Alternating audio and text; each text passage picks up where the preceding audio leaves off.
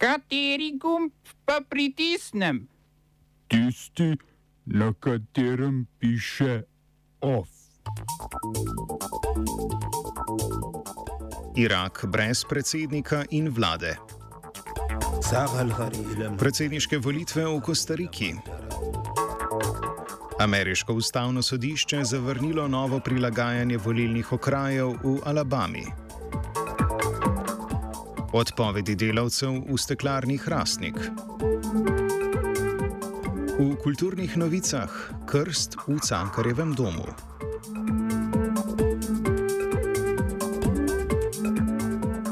Ob zaostrovanju spora na meji med Rusijo in Ukrajino je predsednik Združenih držav Amerike Joe Biden v Beli hiši gostil novega nemškega kanclerja Olafa Scholza. Šolc je sicer izrazil protirusko stališče in se zauzel za sankcije ob invaziji, a je bil do vprašanja Severnega toka 2, to je v zadnjem času sprožilo precej tren med ZDA in Nemčijo, precej previdnejši kot Biden. Biden je namreč znova zagrozil, da bo ob morebitni invaziji Ukrajine sprejel drastične sankcije, vključno s popolno zaustavitvijo plinovoda Severni tok 2, od katerega je energetsko najbolj odvisna prav Nemčija. Ko so ga novinarji vprašali, kako bi lahko ZDA ustavile projekt, jim je odvrnil: Obljubljamo, da zmoremo. Washington projektu uradno nasprotuje zaradi energetskega monopola, ki bi ga imela Rusija nad evropskimi državami. Poleg tega pa je Severni tok 2 za ZDA problematičen, ker verjamejo, da v Evropi zagotavljajo varnost v okviru zavezništva NATO.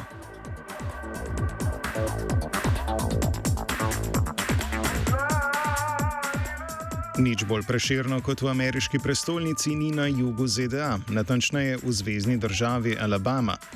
Potem, ko je nižje sodišče ugotovilo, da obstoječi zemljevid volilnih okrajev zmanjšuje volilno moč temnopoltih voljivcev, je ameriško ustavno sodišče razsodilo, da v tej pretežno republikanski zvezdni državi pred volitvami v kongres, ki bodo novembra letos, zemljevida ni treba spremeniti. Z demografsko podobo Alabame, kjer je več kot četrtina registriranih voljivcev afroameričanov, ni usklajenih sedem volilnih okrajev. Alabama ima v ameriškem kongresu sedem kongresnikov, šest republikanskih in enega demokratskega, ki je izvoljen v edinem volilnem okraju z afroameriško demografsko večino. Neusklajenost med zastopstvom zvezdne države v kongresu in demografsko podobo Alabame je nazoren primer diskriminacije temnopoltih voljivcev, ki so po zemljevidu volilnih okrajev, pri snovanju tega imajo največji vpliv večinski republikanci, večinsko razporejeni v en volilni okraj, s tem pa so njihovi glasovi omejeni na podlagi prerasporejanja glasov.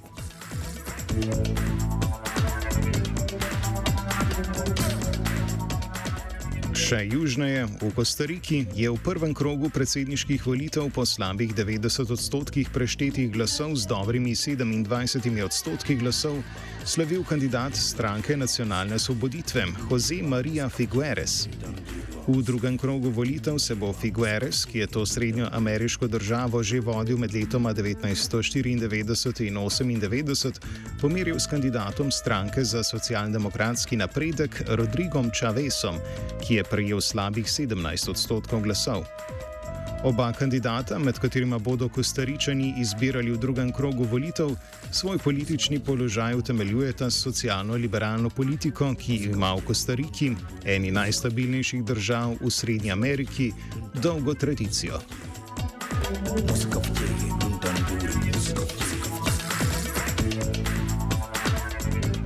Tajvanske oblasti so sporočile, da bo na otoku prenehala veljati prepoved uvoza kmetijskih pridelkov z območja japonskega mesta Fukushima, ki ga je leta 2011 prizadela huda jedrska nesreča. Preden bodo Tajvanci z jedrsko degradiranega območja uvozili prehrambene izdelke, bodo ti testirani na radioaktivno sevanje, gobe in divje živali iz Fukushime pa ostajajo prepovedane. Na Tajvanu naj bi se s prenehanjem prepovedi uvoza želeli približati pridružitvi prostotrgovinskemu sporazumu Transpacifiškega partnerstva, katerega ustanovna članica je Japonska. Na otoku, ki je v zadnjem času deležen obilo mednarodne pozornosti zaradi zaostrovanja konflikta s Kitajsko, na pridružitev k prostotrgovinskemu sporazumu upajo predvsem v luči lažjega mednarodnega trgovanja, ki je zaradi odvisnosti od Kitajske oteženo.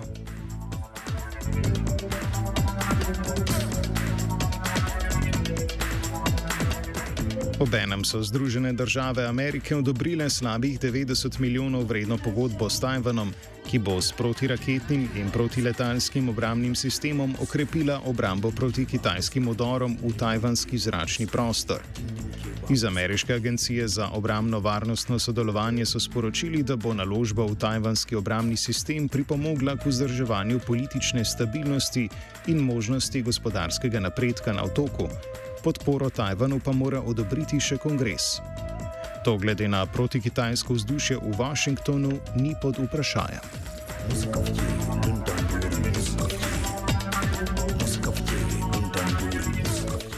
Irak ostaja brez predsednika in operativne vlade. Zakonodajalci namreč znova niso imenovali predsednika, potem ko je vrhovno sodišče preprečilo predsedniško kandidaturo kurskega politika Hošjarja Zebarja. Zebar je ob dosedanjem predsedniku Iraka, Barhamu Salihu, najverjetnejši kandidat, ki bi lahko zasedel mesto predsednika.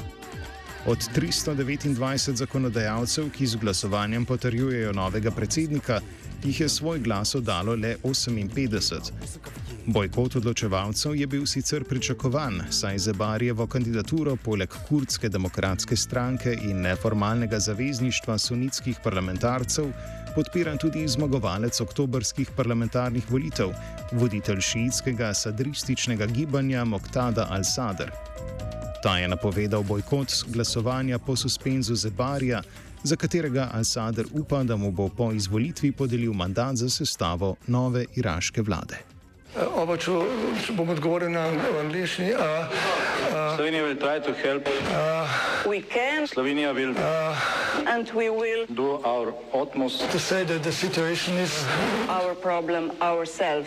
In da bomo naredili nadaljnje korake, as soon as the conditions are. Bomo vlado Marjana Cererera Šarca podprli.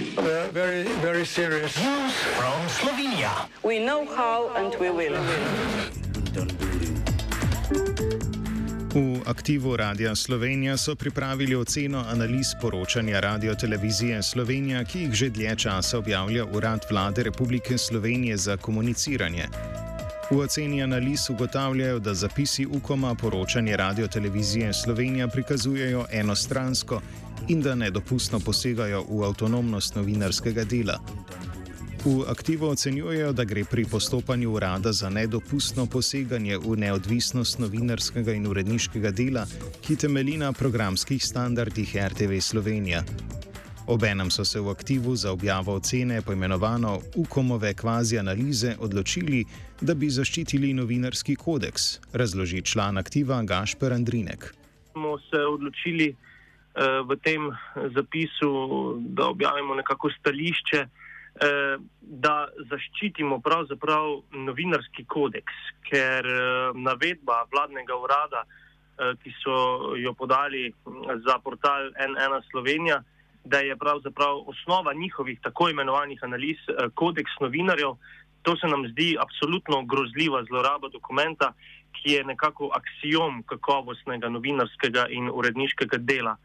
Um, ob tem še enkrat pa povdarjamo, da vladnemu uradu ne odrekamo pravice kritike ali izražanja mnenja o našem delu, ampak uh, da to počnejo pravzaprav na nek primeren uh, način in da to zagotovo ni pritisk skozi tako imenovane zapise, ki ga nekako posredno prek uh, javnosti uh, potem. Eh, plasirajo na ustvarjalce, na novinarje in urednike. Včeraj se je pred steklarno Hrastnik zbralo približno 50 delavcev, ki so zaradi nezadovoljstva nad vodenjem steklarne napovedali, da bodo vložili odpovedi delovnega razmerja. Odpoved je zaradi nečloveških delovnih razmer podala tudi večina delovodij. Iz steklarne Hrastnik, ki jo vodi generalni direktor Petr Čas, so sporočili, da enostranske odpovedi delovnega razmerja obžalujejo in da so delavcem, ki so podali odpoved, ponudili možnost umika odpovedi. Prav tako so sporočili, da odpovedi niso izraz širšega nezadovoljstva med zaposlenimi v podjetju.